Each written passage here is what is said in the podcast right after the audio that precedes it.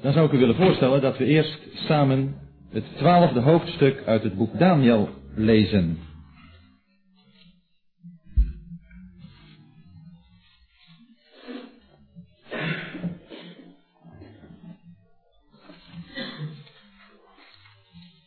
Daniel 12, vanaf vers 1.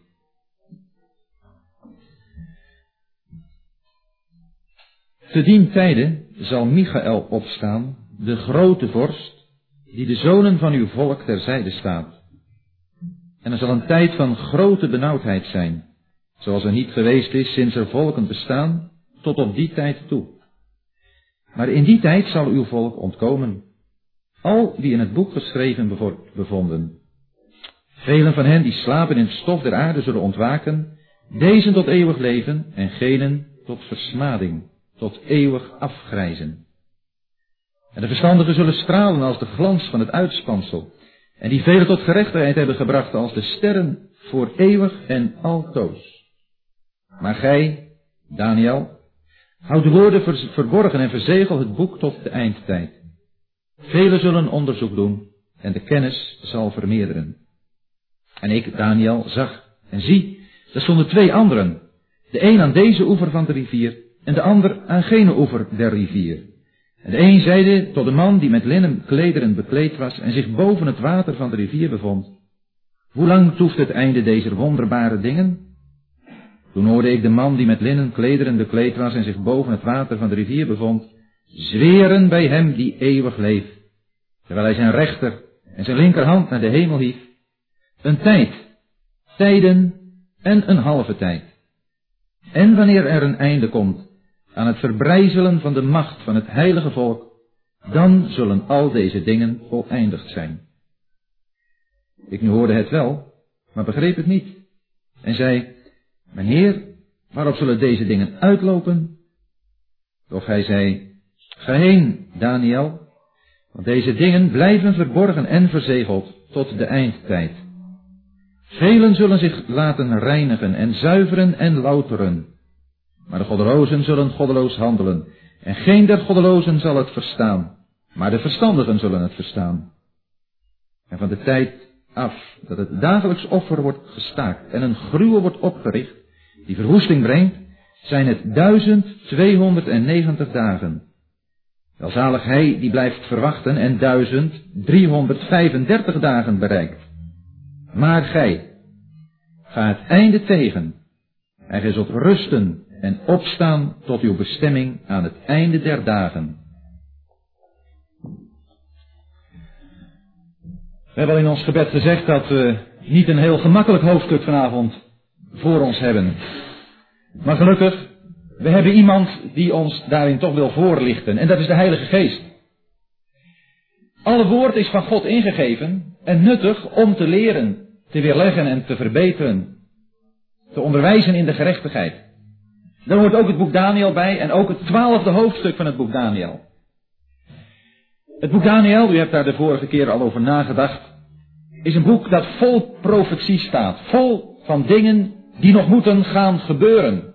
Waar een aantal al van gebeurd zijn, maar waar het grote geheel toch nog eigenlijk van moet gaan gebeuren. En het boek is ons niet gegeven om onze, ons verstand aan te spreken, om ons intellect te bevredigen, onze nieuwsgierigheid. Maar het boek is ons gegeven om ons een boodschap te geven voor ons hart en geweten. Waar we iets mee kunnen doen, waar we iets aan hebben. Waar we in de praktijk van ons leven ermee tegenaan kunnen in het leven waarin wij nu staan. Want het boek Daniel denk ik dat niet alleen maar beschrijving geeft van toekomstige gebeurtenissen, maar ons ook voor hier en nu ons wil aanspreken. Want in die zin is ook profetie toch, zoals de Heer het bedoeld heeft, dat het een woord is tot vermaning en vertroosting, tot bemoediging. En ik denk dat dat in het laatste hoofdstuk toch wel heel speciaal naar voren komt. Drie keer vinden we hier de naam Daniel. Daniel, hij wordt er heel, heel persoonlijk op aangesproken. Daniel, wat jij nu allemaal gezien en gehoord hebt, en waar je heel graag iets van zou willen weten wat het nu allemaal betekent, Daniel, er zit ook een boodschap in voor jou. Al heb je er misschien niet alles van begrepen. En, zoals 1 Petrus dat zegt, hij heeft daarin willen inblikken, maar hem werd duidelijk gemaakt dat hij niet voor zichzelf, net als andere profeten van het Oude Testament, de dingen hebben bediend, waarvan wij, broeders en zusters, jonge mensen, nu wel mogen weten waarvoor het geschreven is. Daniel was een beminde man. Daniel heeft veel mogen zien over dat wat er zou gaan gebeuren. Maar u en ik, wij zijn nog veel bevoorrechter. Want wij, wij leven in zeker opzicht al in die eindtijd. Ik kom er dadelijk op terug. Wij zien dingen gebeuren die Daniel in een verre toekomst heeft geschouwd. Maar wij zien het om ons heen gebeuren. Waarom toch dit twaalfde hoofdstuk van het boek Daniel? Want het leek wel of de geschiedenis eigenlijk met hoofdstuk 11 afgelopen was. De koning van het noorden was veroordeeld. Zo hebt u daar de vorige keer over nagedacht. Maar Daniel, zoals gezegd, staat nog met een paar vragen. En die hebben met name betrekking op zijn eigen volk. Daniel, de profeet, heeft veel dingen geschouwd. Maar ze hadden allemaal betrekking op de volkeren. Daniel is de profeet geweest voor de volkeren. Maar hier in het twaalfde hoofdstuk krijgt hij toch nog dingen te zien die betrekking hebben op zijn volk. Daar begint het hoofdstuk dan ook mee. Te dien tijden zal Michael opstaan, de grote vorst, die de zonen van uw volk terzijde staat. Michael is een aartsengel, de aartsengel. Daar wordt vier keer over in de Bijbel gesproken. In Daniel 10 bent u hem al tegengekomen. Hier in Daniel 12. We lezen over hem in het boek Judas. En we lezen over hem in het boek Openbaring. Vier keer. En het opmerkelijke van deze persoon, van deze machtige, van deze indrukwekkende persoon is dat hij altijd in verbinding staat met het volk Israël.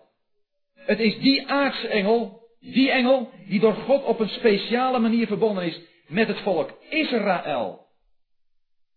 En daarom dat Daniel hier nu te horen krijgt, Michael zal opstaan de grote vorst, die de zonen van uw volk terzijde staat. Als iemand gaat opstaan, dan is dat opdat er iets zal gaan gebeuren. Hij, Michael, staat klaar om zijn dienst te gaan vervullen. En ik denk dat het opstaan van Michael, dat we dat in het boek De Openbaring, in hoofdstuk 12, verder uitgewerkt zien. Want wat gaat Michael daar doen? In, Michael, in openbaring 12, daar lezen we het volgende.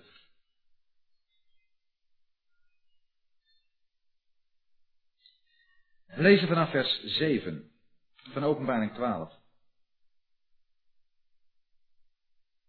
En er kwam oorlog in de hemel. Michael en zijn engelen voerden oorlog tegen de draak. En de draak voerde oorlog en zijn engelen en hij was niet sterk genoeg en hun plaats werd in de hemel niet meer gevonden. En de grote draak werd neergeworpen, de oude slang, die genoemd wordt duivel, en de Satan, die het hele aardrijk misleidt. Hij werd neergeworpen op de aarde en zijn engelen werden met hem neergeworpen.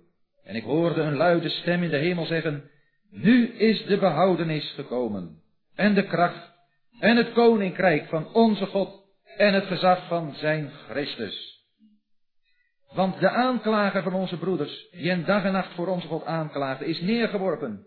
En ze zelf hebben hem overwonnen door het bloed van het lam en door het woord van hun getuigenis. En ze hebben hun leven niet lief gehad tot de dood toe. Daarom wees vrolijk, hemelen, en u die daarin woont. Wee de aarde en de zee.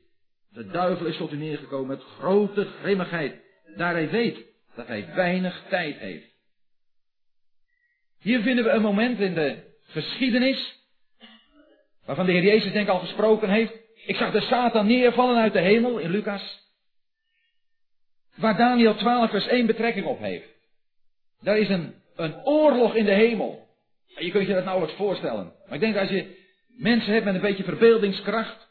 Die zouden daar zo een geweldige futuristische film van kunnen maken. Een oorlog in de hemel met machtige wezens. Want engelen, dat zijn machtige wezens. Dus we denken dat één engel in één nacht 185.000 man doden van het leger van de Assyriërs. Dan moet dat een enorm spektakel daar in de hemel zijn. Op het moment dat er een oorlog uitbreekt. Een oorlog waarin Michael en zijn engelen strijden tegen de draak, de Satan en zijn engelen. Maar de uitkomst staat hier al vast. De Satan met zijn engelen worden uit de hemel geworpen. Maar waar moeten ze dan naartoe? Ze worden geworpen naar de aarde. En dan, dan wordt er terecht gezegd, wee de aarde. Wee de aarde. Want dat is de tijd die dan gaat aanbreken, die in de Bijbel genoemd wordt. De tijd van de benauwdheid. Een, de tijd van grote benauwdheid, zoals in Daniel 12, vers 1 daar verder staat. En dan breekt die tijd aan, waarvan de Bijbel spreekt dat het een benauwdheid voor Jacob zal zijn vooral. Dan zal de duivel, die weet dat hij nog maar weinig tijd heeft, zo'n verschrikkelijke opstand ontketenen. Zo'n verschrikkelijke haat tussen de mensen. Zo'n verschrikkelijke achtervolging voor al van het Joodse volk. En van het overblijfsel van het Joodse volk.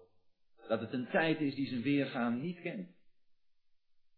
Als we een klein beetje kennis hebben van wat er op dit moment in Joegoslavië gebeurt. Als we daar eens wat van horen of, of lezen. Dan gruw je daarvan.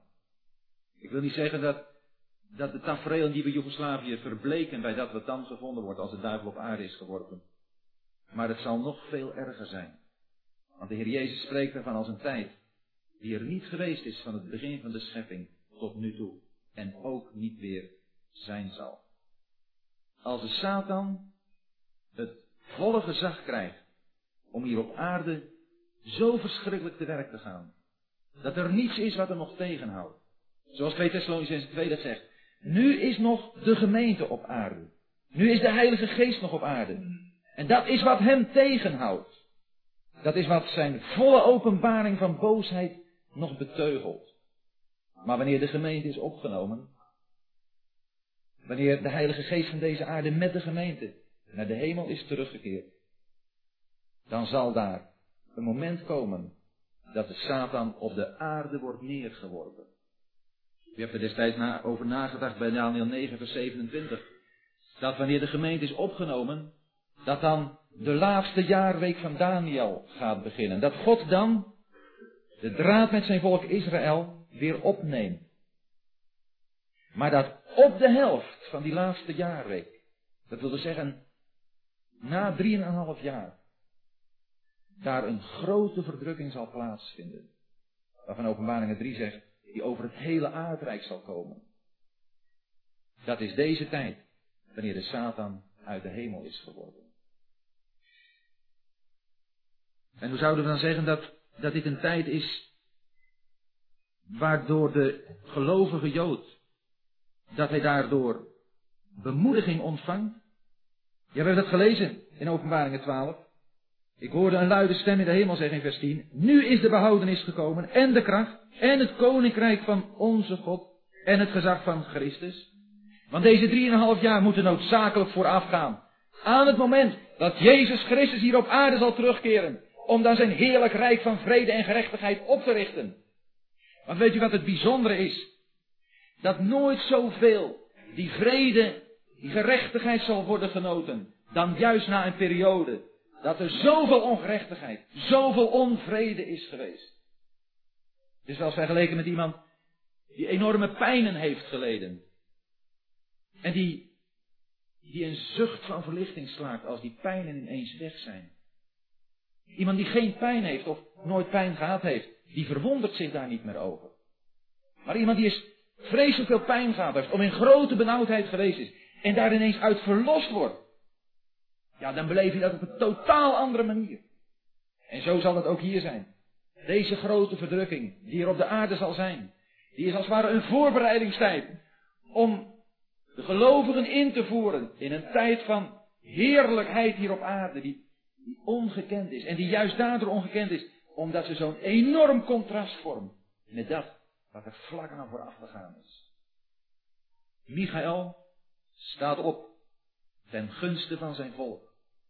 Maar eerst moet er nog een verschrikkelijke tijd voor het Joodse volk aanbreken. Het volk der Joden moet deze tijd ondergaan. Ze moeten deze tijd van grote verdrukking doormaken.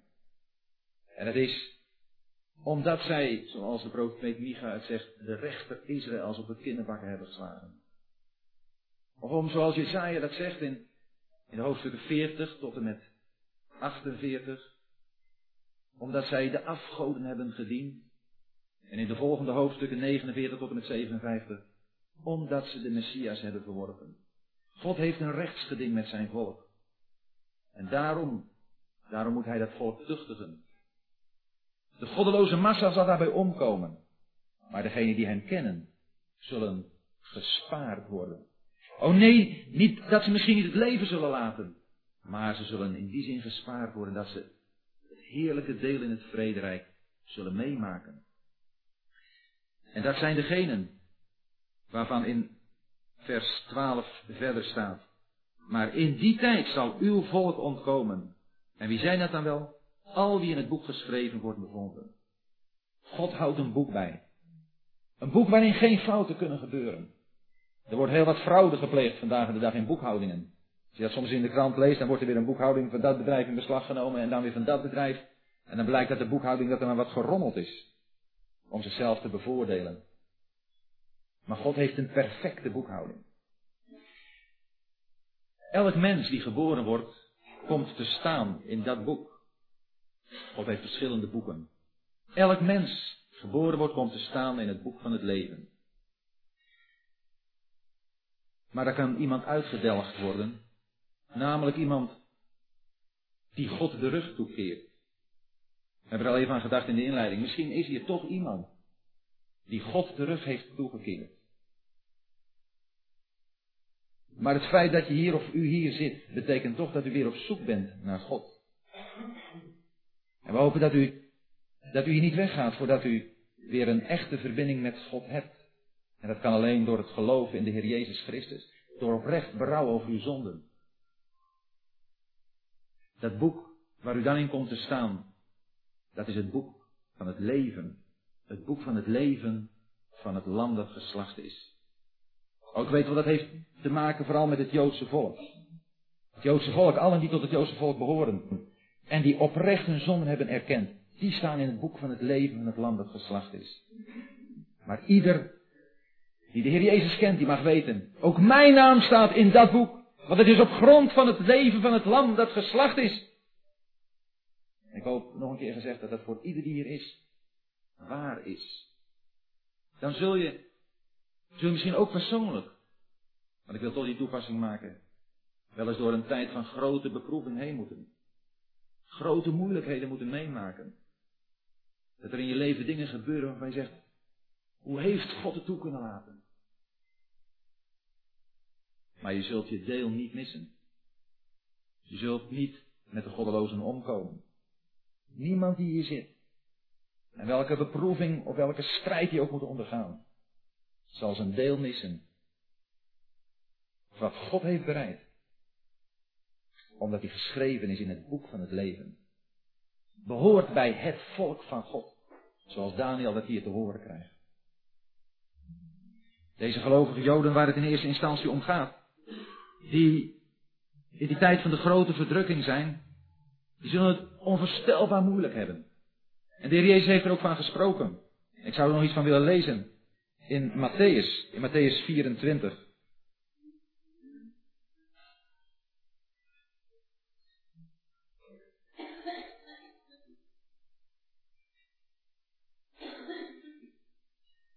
Matthäus 24. Daar lezen we eerst de vraag van de discipelen in vers 3. Toen hij, dat is de Heer Jezus, nu op de olijfberg zat, kwamen de discipelen afzonderlijk naar hem toe en zeiden, Zeg ons, wanneer zullen deze dingen zijn? En wat is het teken van uw komst en van de voleinding van de eeuw? En Jezus antwoordde en zei tot hen, Kijkt u uit, dat niemand u misleidt. Want velen zullen komen onder mijn naam en zeggen, ik ben de Christus. En ze zullen velen misleiden. En u zult horen van oorlogen en geruchten van oorlogen. Let op, word niet verschrikt, want dit alles moet gebeuren, maar het is nog niet het einde. Want volk zal opstaan tegen volk en koninkrijk tegen koninkrijk. En er zullen hongersnoden en aardbevingen zijn in verschillende plaatsen. Dit alles is echter het begin van de weeën. Dan zullen zij u overleveren om verdrukt te worden en u doden en u zult gehaat zijn door alle volken ter wille van mijn naam. En dan zullen velen ten val komen en elkaar overleveren en elkaar haten. En vele valse profeten zullen opstaan en ze zullen velen misleiden. En omdat de wetteloosheid zal toenemen, zal de liefde van de velen verkoelen. Wie echter zal volharden tot het einde, die zal behouden worden. En dit evangelie van het koninkrijk zal over het hele aardrijk worden gepredikt, tot een getuigenis voor alle volken. En dan zal het einde komen. We hopen dadelijk nog een keer terug te komen op dit hoofdstuk, want Daniel verwijst, of de Heer Jezus in zijn reden hier verwijst nog een keer naar Daniel 12. Maar wat we hier lezen is dat er verschrikkelijke dingen zullen zijn. En dat er volharding moet zijn. Dat er een vasthouden moet zijn. Tot het einde toe. Een verschrikkelijke tijd. De Heer heeft erover gesproken om zijn discipelen en over de hoofden van de discipelen heen ook u en mij te waarschuwen. Wij zien de dingen om ons heen gebeuren.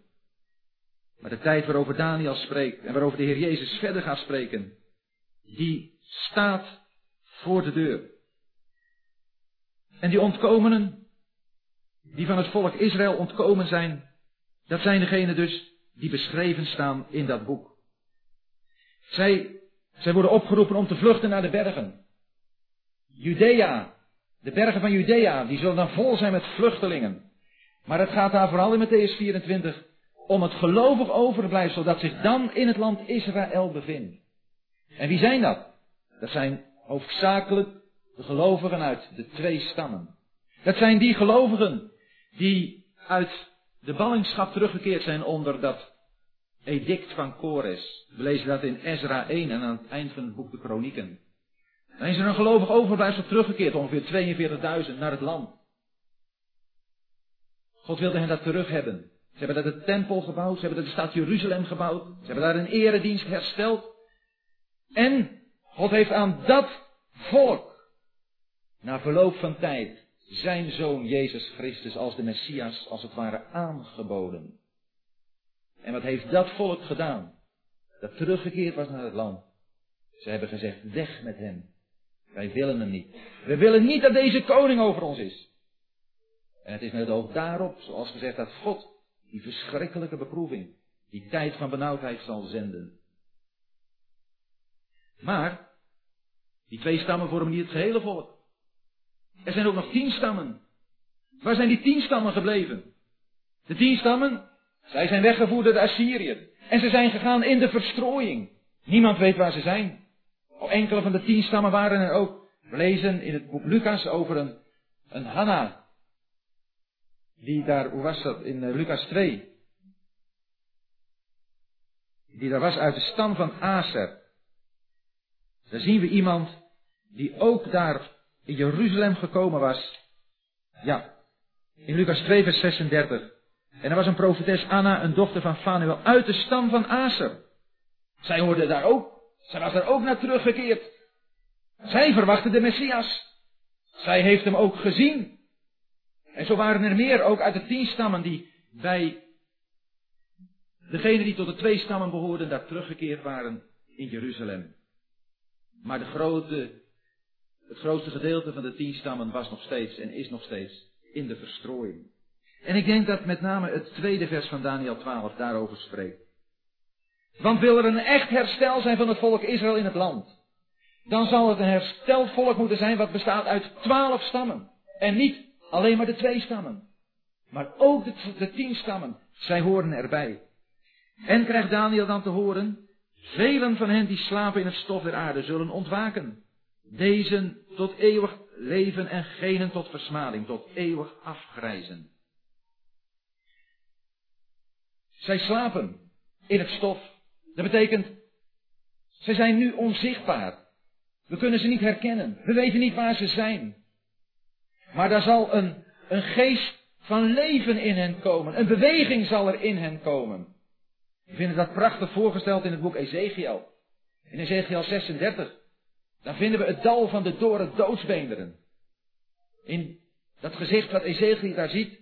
En het zal toch goed zijn dat te lezen, want ik laat u wel wat bladeren, maar we moeten ook, vooral wat de profetie betreft, schrift met schrift vergelijken. En u moet dat zien. Het is Ezekiel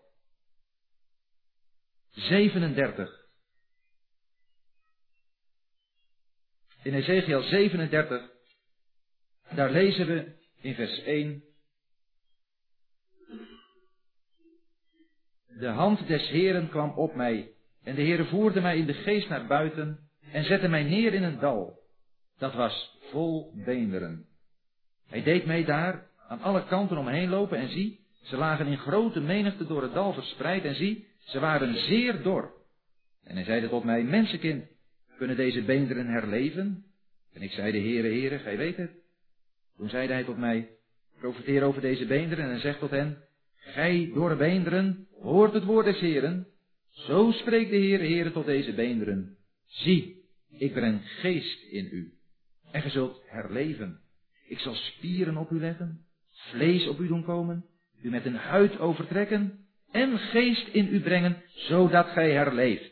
En gij zult weten dat ik de Heere ben. Dan vinden we dus hoe daar een, ja, eerst een skelet ontstaat, de beenderen die worden aan elkaar gevoegd. Dan komen daar spieren overheen, zenuwen en een huid. Het is een compleet mens. En ik denk dat het, dat het is wat we op dit moment zien in het de herstelde staat Israël. Maar er is nog geen geest in hen.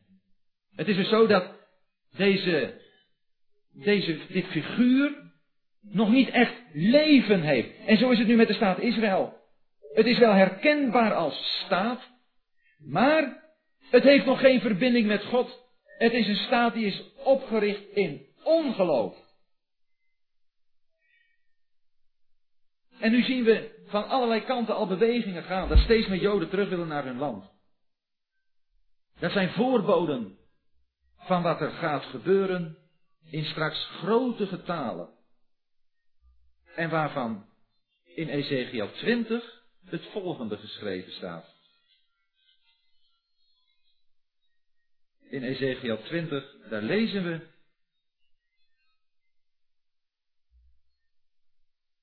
in vers 34.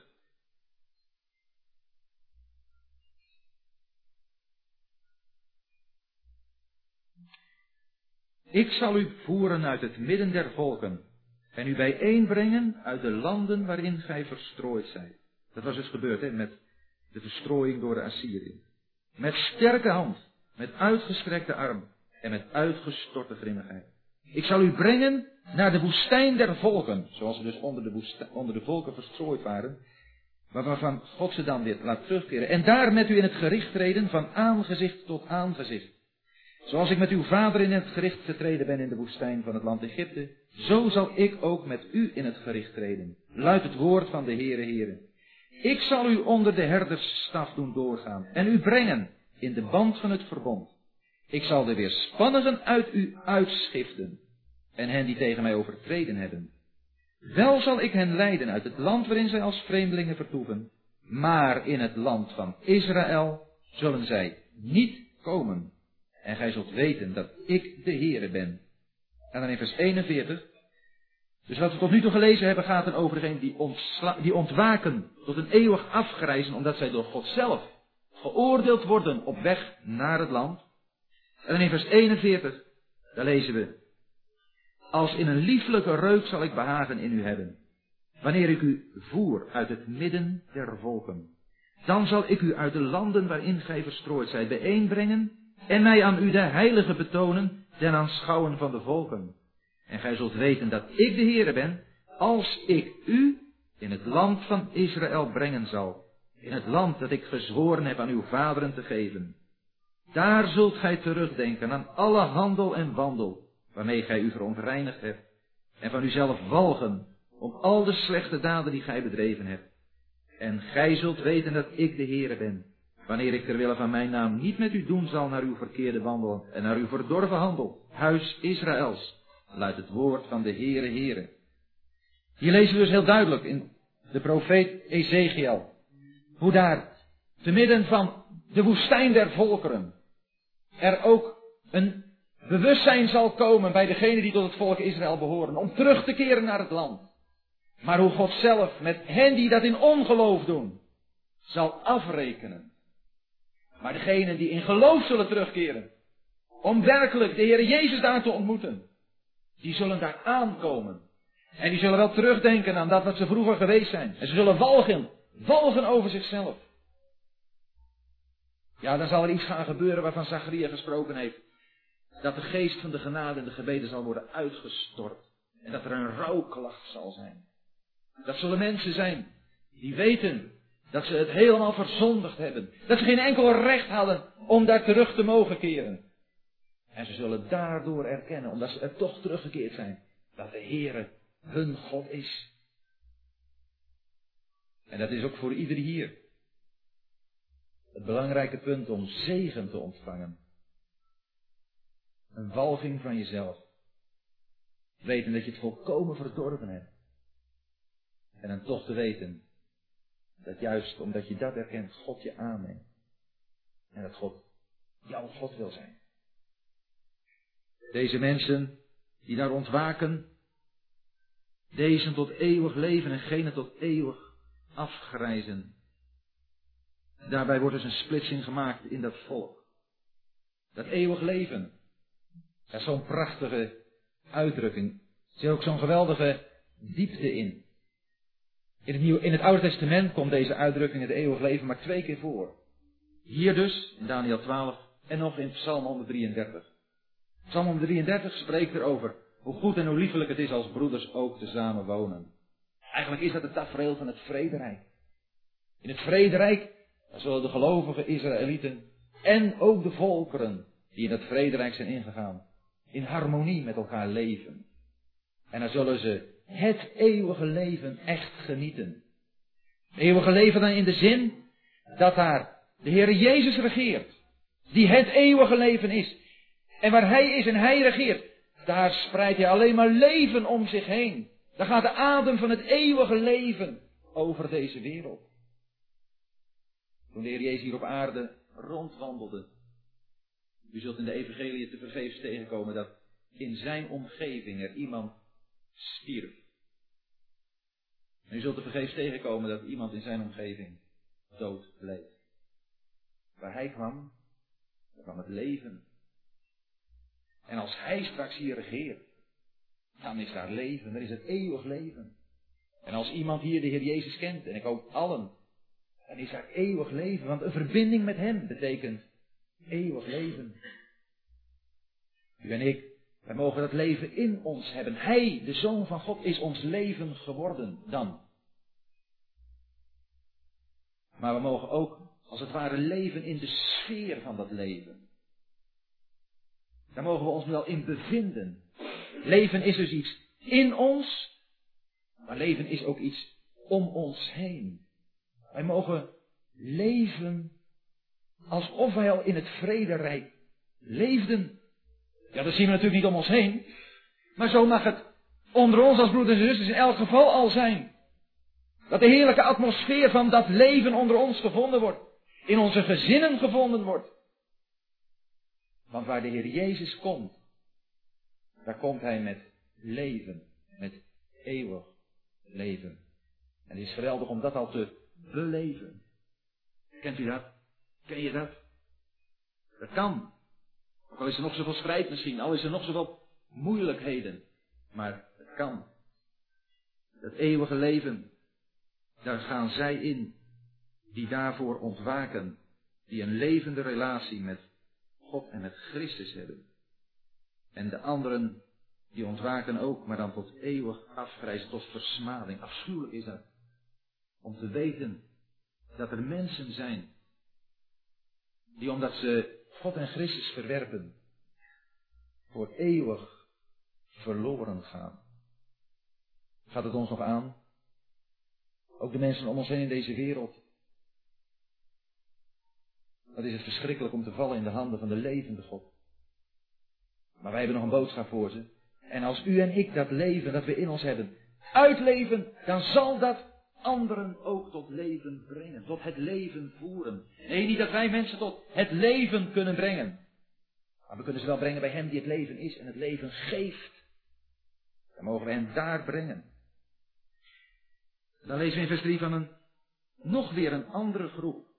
We hebben dus in, vers, in hoofdstuk 12 vers 1 een groep gelovigen die daar in het land Juda is, in Israël.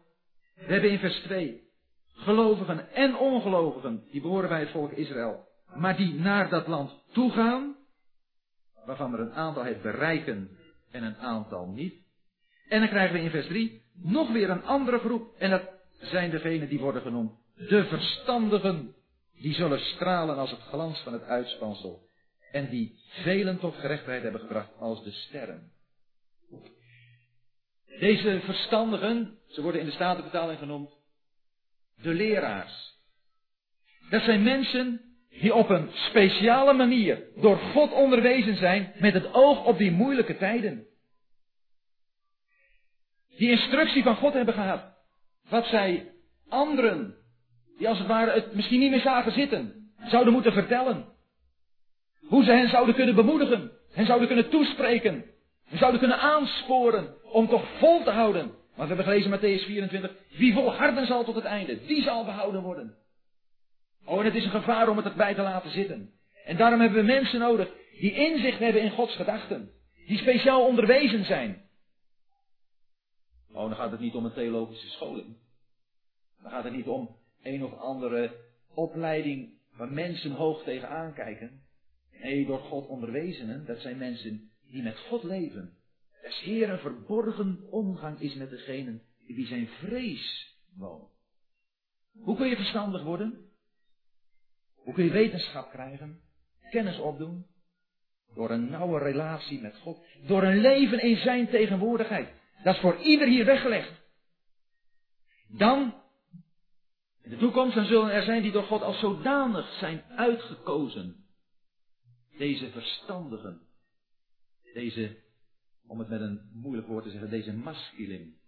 Deze mensen die ook van wat in de psalmen geschreven staat een bijzonder gebruik zullen maken.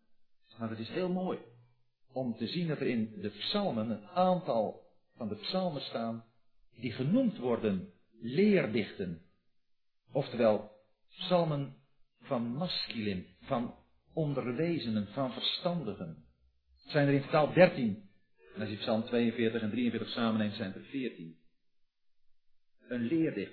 En als we alleen maar even denken bijvoorbeeld aan Psalm 32, en dat is de eerste masculin psalm. Als we daar even aan denken, wat lezen we daar? Lezen we over een welgelukzaligheid die er kan zijn als de zonden vergeven zijn. Want weet u, een van de grote plagen die er nog bij komen bij al die verdrukking die van buiten komt, dat is voor het gelovig overblijfsel de, de knellende vraag. De knagende vraag van mijn zonden. O mijn zonden. Ik heb zo verschrikkelijk gezondigd. Zal God mij wel aannemen? Een geweten klaagt een enorm aan. En dan zullen ze het horen. Wel gelukzalig de mens, wie zonden vergeven zijn. Wie de Heere de ongerechtigheid niet toerekent. Daar komt een stuk vergeving. Een stuk betoning van genade.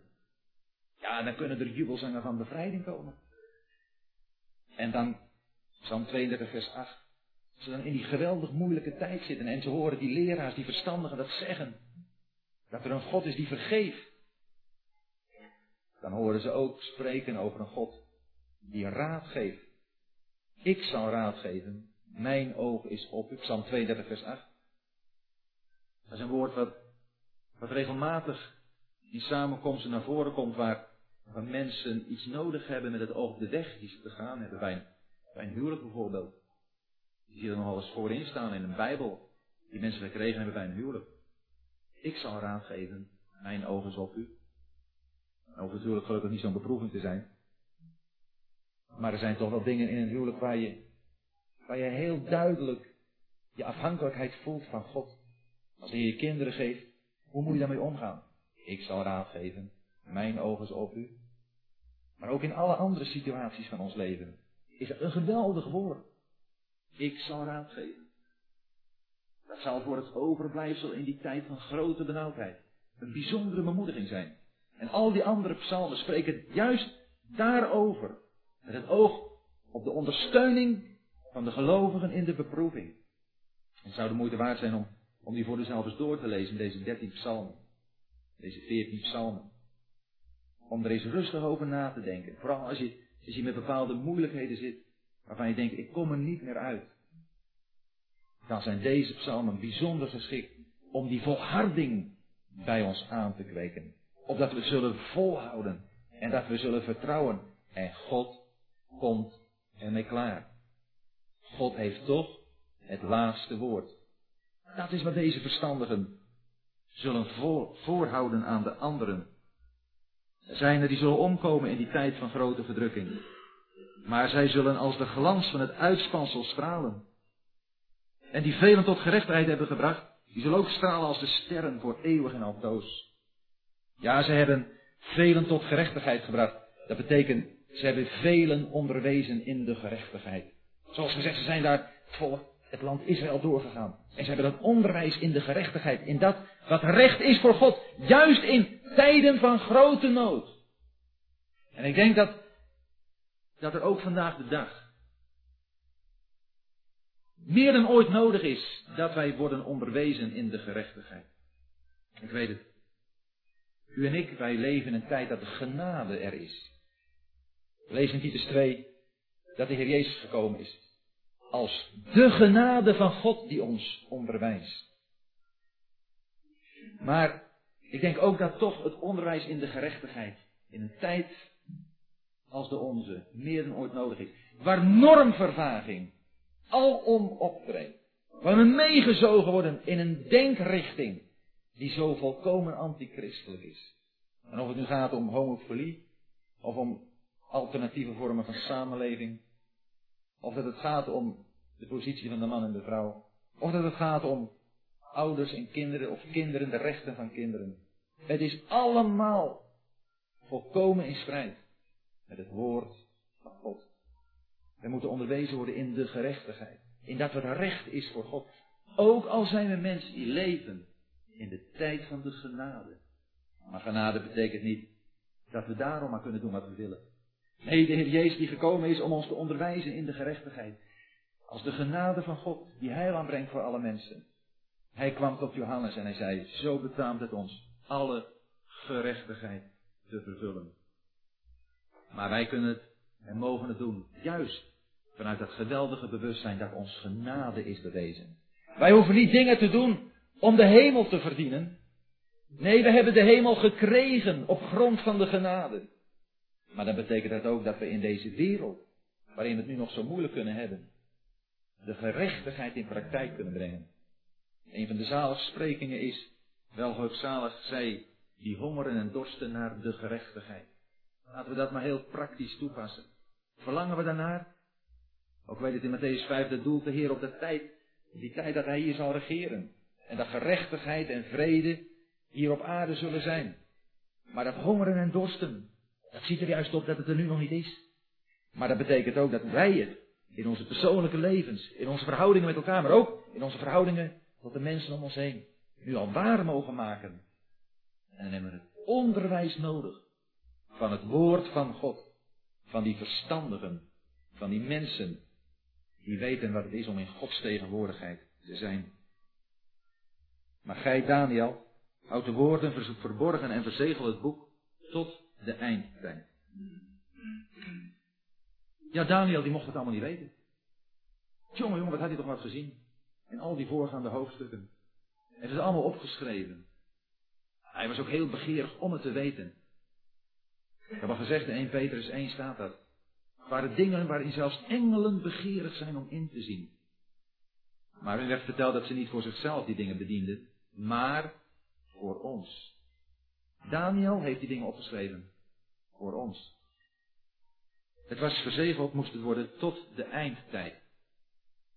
En we begrijpen dat de eindtijd die tijd is wanneer God met Israël weer aan het werk gaat. Wanneer de gemeente is opgenomen. Maar in zeker opzicht leven wij ook al in de eindtijd. Johannes spreekt erover in zijn eerste brief. Kinderen, weet dat het laatste uren is. En Paulus zegt in 1 Korinthe 10, dat is een hele belangrijke tekst, je moet het toch maar even lezen. In 1 Korinthe 10,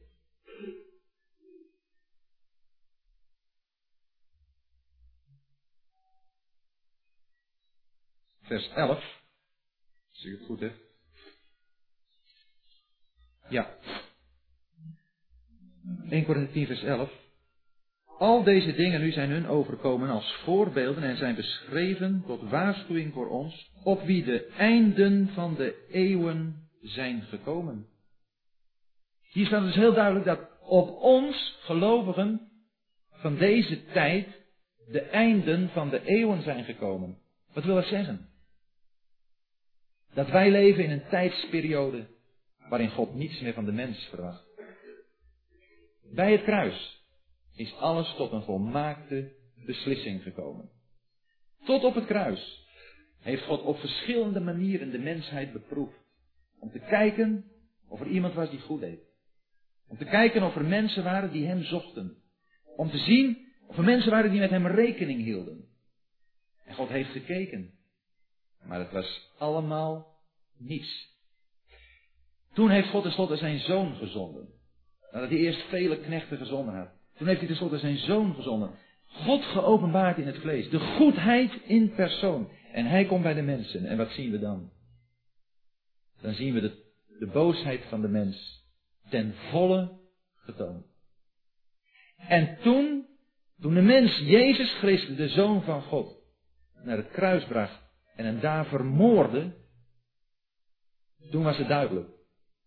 Toen, toen had God niets meer. Waarbij nog iets aan de mens kon worden gevraagd om hem te laten bewijzen dat hij toch wel wat goeds wilde. Bij het kruis is alles volmaakt duidelijk geworden. De mens is een zondaar tot in de vezels van zijn bestaan. De Satan heeft hem daartoe gebracht. En de boosheid van en de Satan en de mens, die zijn zo gemanifesteerd dat ze hebben bestaan om Gods eigen zoon, de schepper van hemel en aarde, naar het kruis te brengen. Dan is het gebeurd, dan is het voorbij. En als God op dat moment, zoals iemand eens gezegd heeft, de wereld met de mensen erop in een uithoek van het heelal getrapt had, dan was het alleen maar een verdiend loon geweest. En het feit dat u en ik hier nog zitten, nog hier kunnen zijn, is een bewijs van Gods genade. Ik heb door genade de Heer Jezus mogen leren kennen. Is dat niet geweldig? En zoveel die hier zitten. Hebben de Heer Jezus mogen leren kennen. Ondanks het feit dat God zijn handen al lang had kunnen terugtrekken van deze wereld. Maar God heeft nog een plan met deze wereld. Een plan waarbij alles wat hij zich ten aanzien van Israël had voorgenomen, zou gaan uitvoeren. En die hele tussentijd, vanaf het kruis tot het moment dat de gemeente wordt opgenomen, die tussentijd mogen u en ik leven als zijnde in de eindtijd. En u en ik, wij hoeven niet als Daniel te horen, dat is allemaal niet voor jullie. Het is verborgen, het is verzegeld. Nee, wij mogen horen wat Johannes hoorde in Openbaringen 22.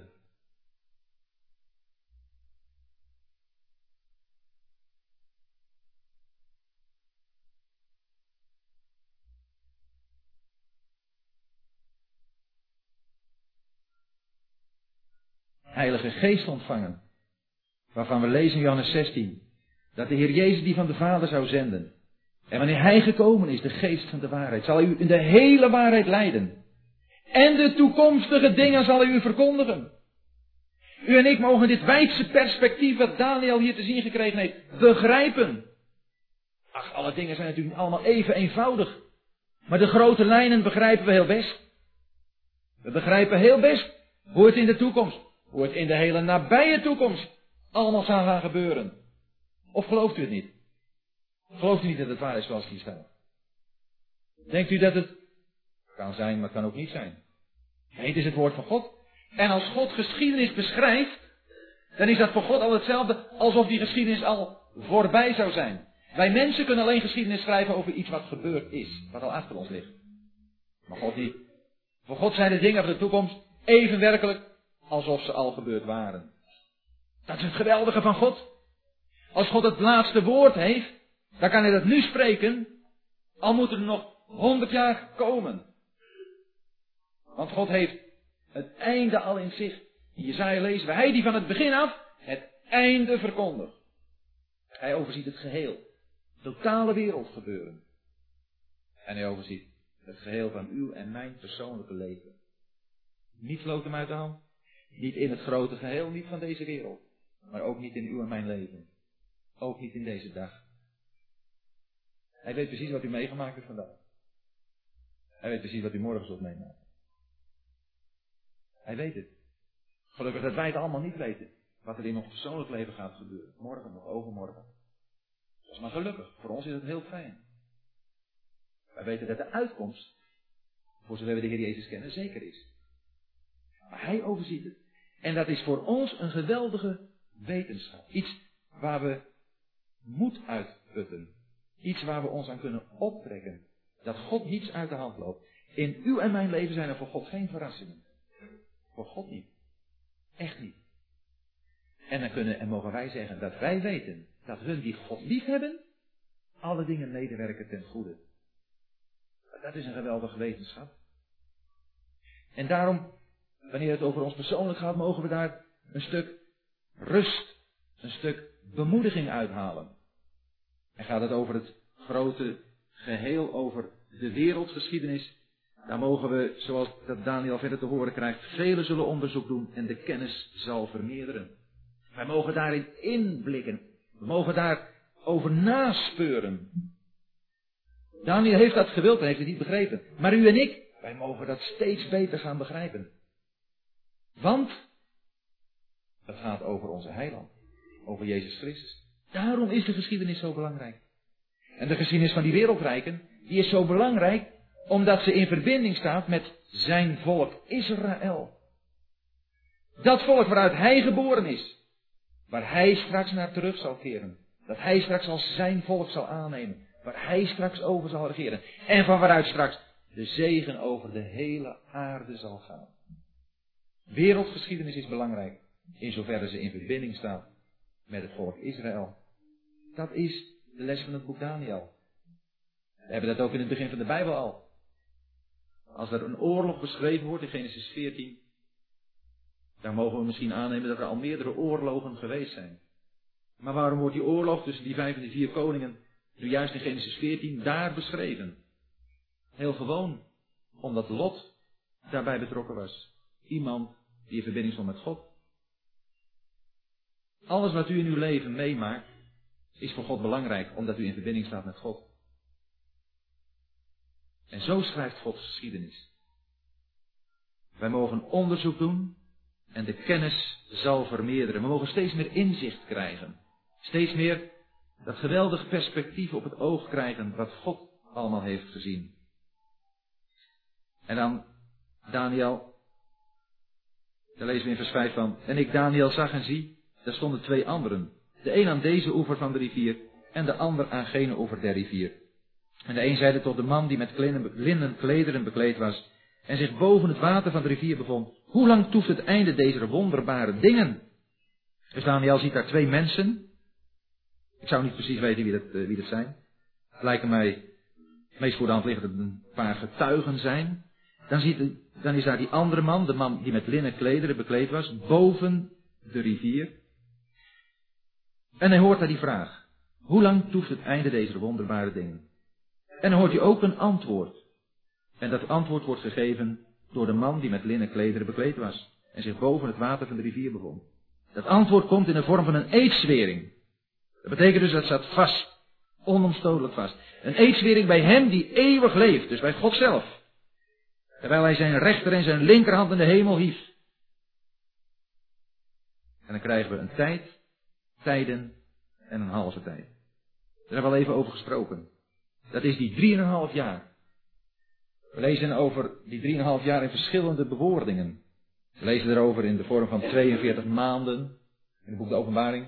We lezen erover 1260 dagen als we dat narekenen. En we zetten een maand op 30 dagen zoals het gebruikelijk was. Dan komen we bij die drieënhalf jaar uit. En hier staat het weer op een andere manier. Een tijd, tijden, er zijn er dus twee. En een halve tijd. Drieënhalf jaar.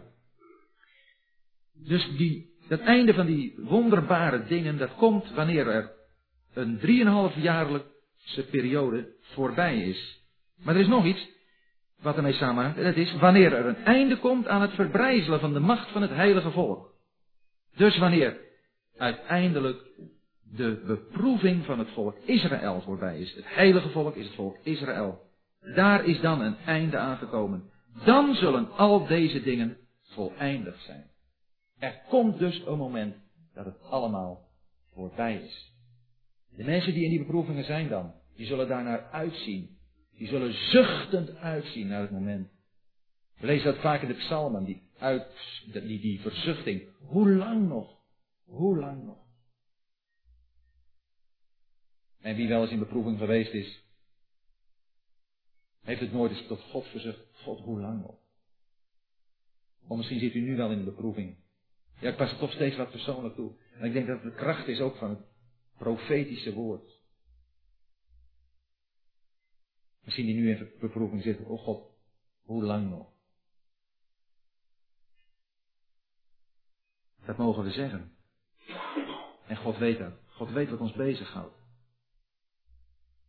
En het is niet altijd zo dat Hij ons dan uit de beproeving wegneemt, de beproeving van ons wegneemt, maar Hij komt bij ons in de beproeving. Ik vind het zo schitterend in dat beeld, daar heb je natuurlijk al de vorige, een van de vorige keren ook over nagedacht, van de drie vrienden van Daniel in de vurige oven. Ook een beeld van die verschrikkelijke beproeving. Maar hoe daar ineens een vierde bij komt. Iemand aan de goden gelijk. En ik denk dat het een prachtig beeld is van de Heer Jezus, die daar bij die drie vrienden in die vurige oven komt. Om daar bij hen te zijn. En zo wil de Heer Jezus bij u en mij in onze beproevingen komen. En die beproevingen, die hebben dan als doel dat ze alles wat ons bindt, zoals het bij die drie vrienden was, toen ze uit de vurige oven kwamen, was er niets van brandlucht aan hen te ruiken. Het enige wat er gebeurd was dat een touwen die waren weg, waarmee ze gebonden in de oven waren geworpen. Beproevingen hebben het doel ons vrij te maken. En die wonderbare dingen, dat zijn wonderbare dingen, weet u dat? Hoe lang nog is het einde van deze wonderbare dingen? Ik denk dat ieder die in beproeving zit, dat ook ervaart. Dat het dingen zijn die op de Heer werpen. Waardoor je de Heer leert kennen op een manier die anders niet mogelijk was geweest. En dat zijn wonderbare dingen. Juist in tijden van beproevingen. Wanneer het einde komt aan het verbrijzelen van de macht van het heilige volk, dan zullen al deze dingen voleindigd zijn. En dan zei Daniel, ik nu hoorde het wel, maar begreep het niet. En zei, mijn heer, waarop zullen deze dingen uitlopen? Dus Daniel bleef maar vragen. Hij wilde zo graag weten. Daniel was maar niet een mechanisch iets, een instrument dat zomaar even wat dingen zei. Nee, Daniel was ten volle betrokken bij dat wat hij gezien had, dat wat hij gesproken had. In Daniel 10 leest het ook zo mooi. Hij, hij wilde daar graag inzicht in krijgen. In Daniel 10 vers 1. Hij gaf acht op dat woord en had aandacht voor het gezicht. Hij was er ten volle bij betrokken. Zoals al die profeten van het Oude Testament volledig betrokken waren bij hun boodschap. Ze gaven niet zomaar als een spreekbuis Gods gedachten door. Nee, ze waren daar met hart en ziel mee bezig. En daarom kon Jeremia, als hij een boodschap van God door, doorgaf, huilen. Hij was ermee begaan, hij werd erdoor bewogen. En Daniel ook, hij wilde het weten. Maar krijgt te horen, ga heen Daniel, want deze dingen blijven verborgen en verzegeld tot de eindtijd. Velen zullen zich laten reinigen en zuiveren en louteren. Velen zullen zich laten zuiveren en reinigen en louteren. Ja, dan moet ik altijd denken aan het prachtige beeld van Malachi. Hoe God daar die smeltkroes heeft. En God daar bij die smeltkroes zit, waarin dat zilver gelouterd wordt. En dat zilver dat wordt gesmolten. Daar komt vuur onder. Waardoor de droesem onedele boven komt drijven. En God daar die droesem kan weghalen, zodat het zilver steeds meer gelouterd wordt, steeds zuiverder wordt. En weet je, dat is God wat u en met mij en met u ook wil doen. Als hij ons in beproeving brengt, dan wil hij dat doen om ons te louteren en te reinigen. En God die gaat zo lang door met dat, met dat heet maken van dat vuur, om dat zilver te laten smelten, totdat hij, totdat hij zijn eigen gezicht in dat zilver herkent. En God gaat zo lang door met u en mij. Om ons te reinigen, om ons de dingen uit ons leven te laten verwijderen. Totdat Hij het beeld van zijn zoon in ons kan herkennen. Hij wil zo graag de Heer Jezus in u en mij zien. Dat wil Hij graag. En daarom is Hij met u en mij bezig. Wat een geweldig doel. Wat heeft God in u en mij gezien? Ja, van nature niks. Maar in het nieuwe leven, Christus. Het is ermee als met die beeldhouwer, die daar een ruw stuk steen voor zich heeft. Maar die beeldhouwer die ziet al welk beeld hij uit dat stuk steen gaat maken.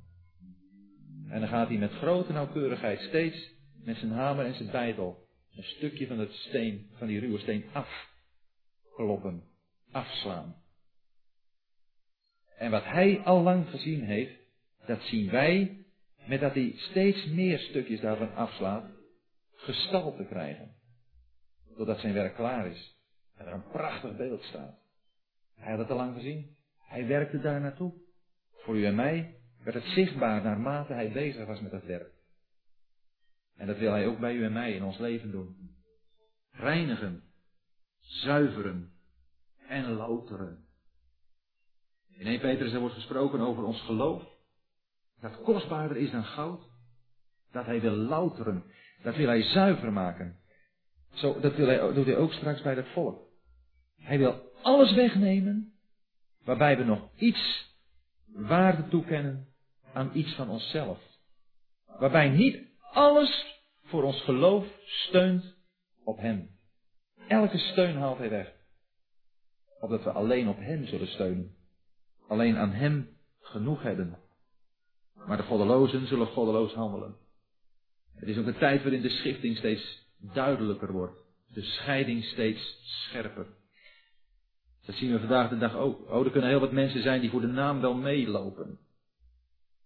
Maar het wordt steeds moeilijker om, om mee te lopen. Want het wordt wel steeds duidelijker wat de gedachten van God zijn en wat ze niet zijn.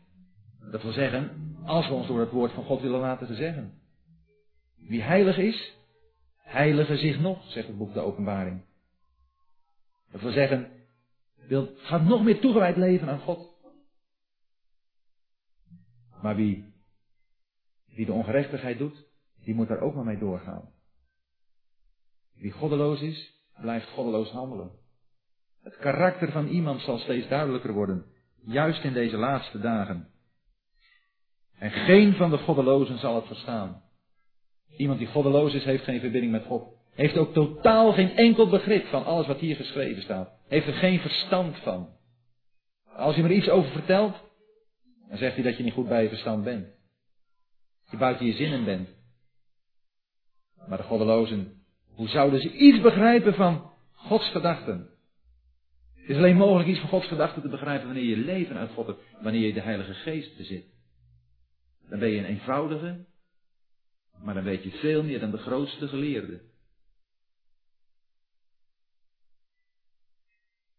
Maar de verstandigen zullen het verstaan. De verstandigen. Wie is wijs en verstandig onder u? Dat is een uitspraak van Jacobus. De wijzen en verstandigen worden aan het eind van Hosea genoemd. Wie is wijs en verstandig? In Hosea, daar zien we ook hoe, Hosea profeteert over het volk Israël. Dan zien we de wegen des Heren met dat volk. Nou, daar moet je van leren. Van Gods wegen met het volk. Precies als in 1 Korinthe 10 waar we gelezen hebben. Al die dingen zijn hun overkomen tot voorbeelden. En weet u dat een van die maskil, masculine psalmen ook over de geschiedenis van Israël gaat? Psalm 78, dat is zo'n leerdicht. Een leerdicht over de geschiedenis van Israël. Wat kunnen wij ontzettend veel leren van de geschiedenis, van dat wat achter ons ligt.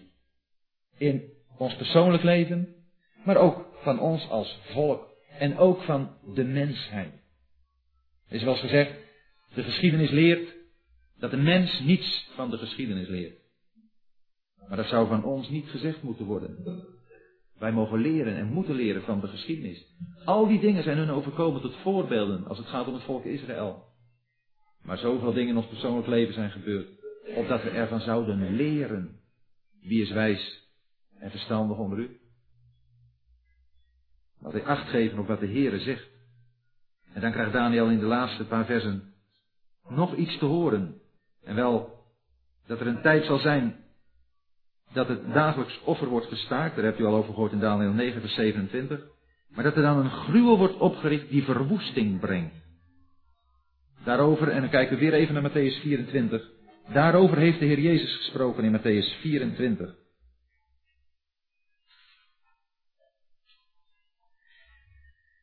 In Matthäus 24, daar lezen we in vers 15.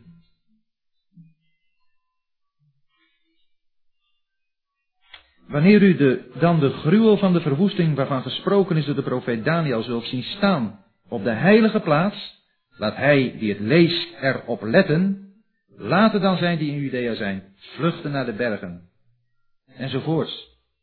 Ik denk dat met name de Heer aan deze passage uit Daniel 12 heeft gedacht toen hij dit hier zei. Want het gaat om de toekomst. Er is al een paar keer gesproken over die gruwel der verwoesting in Daniel 9 en in Daniel 11, maar hier voor de derde keer. En hier gaat het met name om de toekomst, omdat er staat, als dat zover is dat die gruwel der verwoesting wordt opgericht, zijn het 1290 dagen.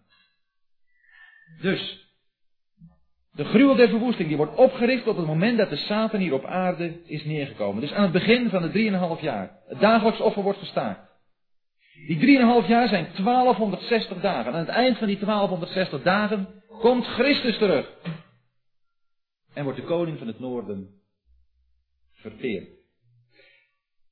Maar hier lezen we over 1290 dagen. Dat betekent dat er nog een maand aan wordt toegevoegd. En, om het er maar gelijk bij te betrekken, in vers 12 lezen we nog eens een keer over 1335 dagen. Dan komen er nog weer eens 45 dagen, oftewel anderhalve maand bij. Wel, ik denk dat we dat het beste kunnen begrijpen, althans voor mezelf is dat het meest helder, wanneer we dat vergelijken met de aanvang van de regering van koning Salomo. Toen koning Salomo koning werd, toen was het nog niet direct overal rust en vrede. In de eerste jaren van zijn regering heeft hij nog verschillende vijanden moeten oordelen. Zowel in het land als ook eromheen. En daarna pas is er die vrede gekomen. Daarna pas is dat wat van Salomo gezegd werd, deze zal een man van rust zijn. Daarna pas is die rust werkelijk gekomen. Die rust, zoals het tegen Daniel gezegd wordt. Maar gij gaat het einde tegen en gij zult rusten. En opstaan tot uw bestemming aan het einde der dagen. Die rust van Daniel is natuurlijk niet de rust van het vrederijk, dat is de rust die hij nu heeft. Als iemand die tot rust gekomen is van zijn werken, zoals Hebreeën dat zegt. Hij rust nu. Maar hij zal opstaan tot uw bestemming. Hij zal, Daniel, ook meedelen in die heerlijke periode van recht, gerechtigheid, vrede, veiligheid, vreugde, blijdschap. Daniel zal daarbij zijn. En tot dat moment mag hij rusten. Het zal misschien al vaker gezegd zijn, maar Daniel spreekt in zijn boek niet over de periode van het vrederijk zelf. Maar spreekt erover wat daaraan vooraf gaat. Wat daar naartoe leidt. Daarom wordt er gezegd in vers 12, welgelukzaligheid die blijft verwachten. Die blijft verwachten. Volharden. Volhouden. Een van de moeilijkste dingen van een beproeving is niet zozeer de aard van de beproeving, als wel de duur van de beproeving. De lengte ervan. Daar zit hem vaak de zwaarte in. En vandaar welgelukzaligheid die blijft verwachten. Broeders en zusters, jonge mensen, laten we blijven volhouden. Welgelukzalig word je genoemd als je volhoudt we hebben het nodig. De brief aan de Hebreeën, die spreekt er zo vaak van, van volharding. Daar gaat het om een, eigenlijk een gelovig overblijfsel. Wat ook nog niet dat wat hem beloofd was, had ontvangen. Het was hun in het vooruitzicht gesteld. En natuurlijk, deze gelovige Hebreeën, die mochten naar boven kijken. Naar de Heer Jezus in wie alles, wat God beloofd had, eigenlijk vervuld was. Maar in het Oude Testament, wat het land Israël betreft, was het toch nog niet zo ver. En daarom worden ze maar aangespoord om vol te houden. En u en ik, wij mogen ook naar boven kijken. We mogen weten dat de Heer Jezus komt, heel binnenkort. Hij komt eerst om de gemeente op te halen. En daarna komt hij met de gemeente terug naar deze aarde om zijn vrederijk op te richten. Maar u en ik moeten nog volhouden. Hij is nog niet gekomen. Hij kan vandaag komen. Kan ook nog even wegblijven. Maar we mogen hem verwachten elk moment. En dat mogen we volhouden. Wel gelukzalig. Het boek de openbaring. Dat al die tafereelen beschrijft van de toekomst. Begint daarmee. Wel gelukzalig hij die leest. Wel gelukzalig. Ieder hier die zo leeft in de verwachting van de komst van Christus. En dan ook het oog op zijn vestiging, de vestiging van zijn rijk hier op aarde. Wel gelukzalig. En laten we elkaar aanmoedigen om vol te houden. Laten we niet de wereld ingaan. Laten we niet in slaap sukkelen. Laten we uitzien, waken en wachten, zoals de Heer dat gezegd heeft. Wel gelukzalig die slaaf, die als zijn Heer komt, door hem zo gevonden zal worden. Wakend en ook werkend, maar vooral wakend, wachtend op hem. Want hij die komt, zal komen en niet uitblijven.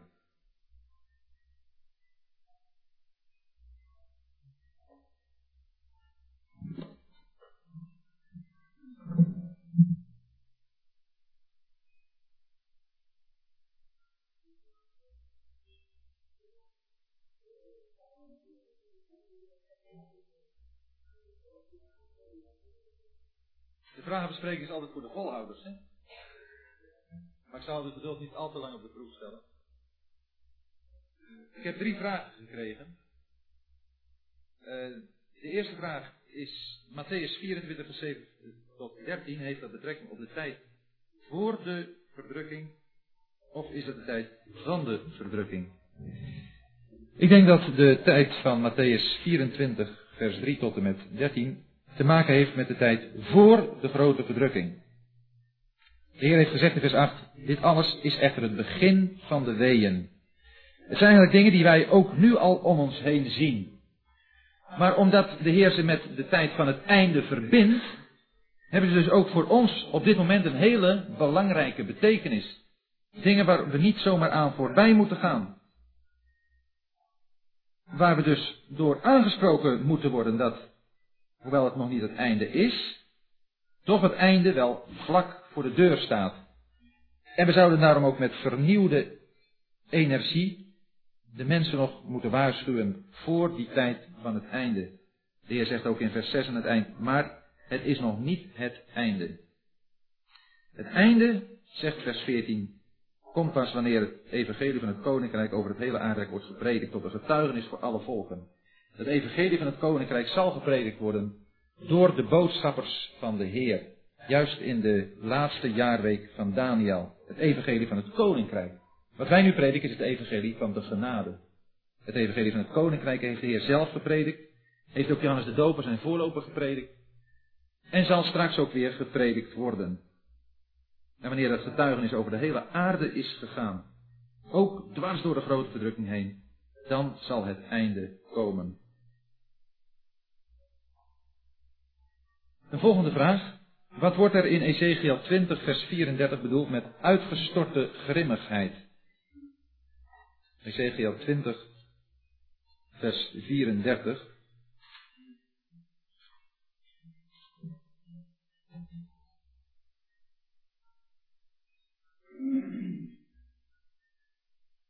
Wanneer ik u uit de volken voeren en u vergaderen zal uit de landen waarin gij verstrooid zijt door een sterke hand en door een uitgestrekte arm en door een uitgegoten grimmigheid.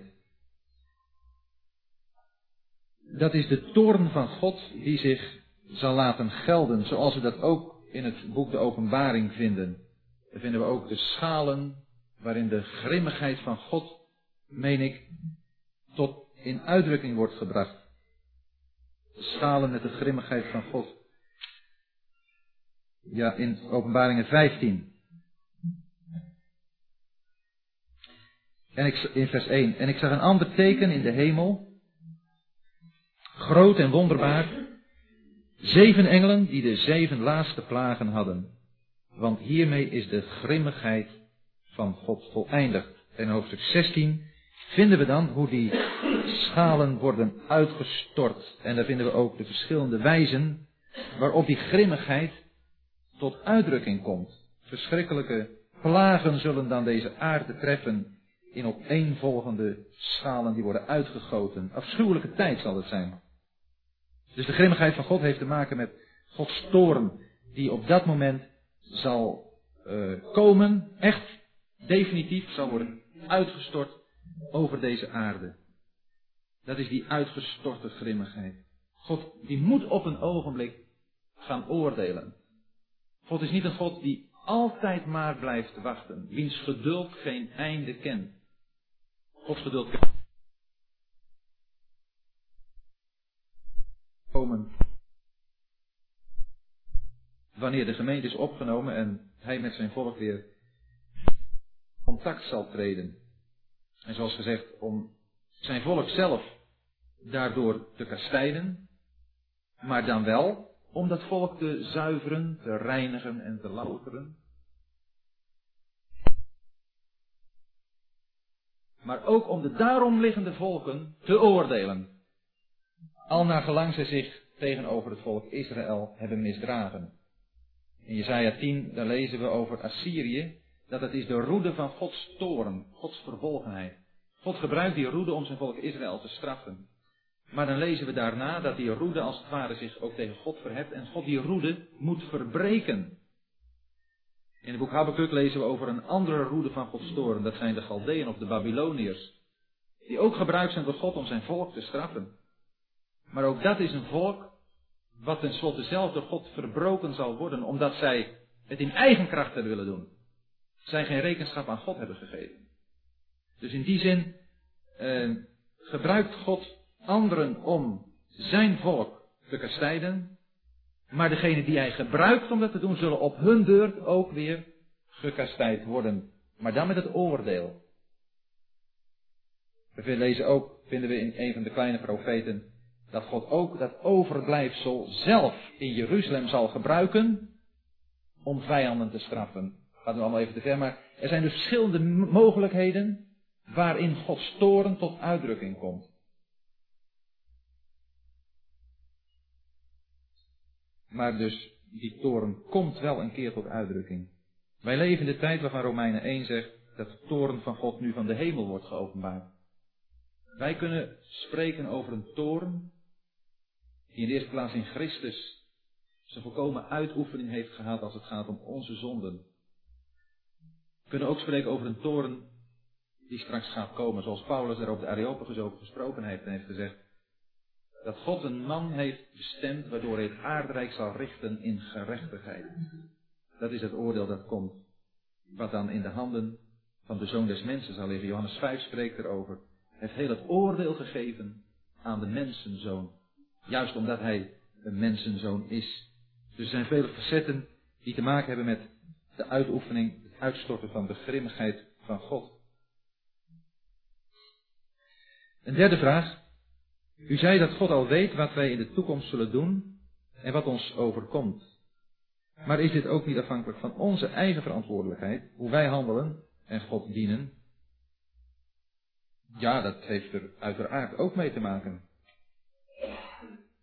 Als ik uh, van een hele hoge rots afspring, dan weet ik dat ik de pletter zal vallen. God wist het al dat het zou gebeuren. Dat ik dat dan zou doen, bij wijze van spreken. Maar ik heb natuurlijk wel een verantwoordelijkheid om dicht bij de Heer te blijven. En daarom gaat het er vooral om, in dit verband ook met die grote verdrukking, met die beproevingen waarin wij komen, dat beproevingen die ons kunnen overkomen van God uitgaan om ons geloof te toetsen, te beproeven, of dat wij in beproevingen komen door onszelf op een bepaalde manier in moeilijkheden te hebben gewerkt. Abraham werd verzocht. Abraham kwam in grote nood. God vroeg zijn zoon. Een zoon Waarvan God tegen Abraham gezegd had, in deze zoon zul jij een nageslacht krijgen. En we lezen toch in Genesis 22 dat God Abraham verzocht. Dat was een beproeving. Maar dat was een beproeving die van buiten afkwam. En in dat opzicht staat er in Jacobus 1, God verzoekt niemand. Als het gaat om iemand tot zonde te brengen. God die zal niemand van ons als het ware in de val laten lopen. De beproevingen, de verzoekingen die God bij ons in ons leven toelaat, die zijn er om ons geloof te stalen. Om ons geloof tot uiting te laten komen. Om te laten zien dat dat geloof er is. In wezen zijn alle beproevingen die God ons zendt, beproevingen waaruit zijn liefde blijkt. Hebreeën 12. Dat hoort er eigenlijk ook bij, hè, bij dat stuk over die grote verdrukking. Ik denk dat de Joden daar ook een grote bemoediging in zullen vinden. Als God ons tuchtigt, dan is dat om ons aan zijn heiligheid deel te laten krijgen. Dat er uit ons leven dingen verdwijnen waarin we God niet hebben gediend, maar wat we misschien nog niet hebben gezien.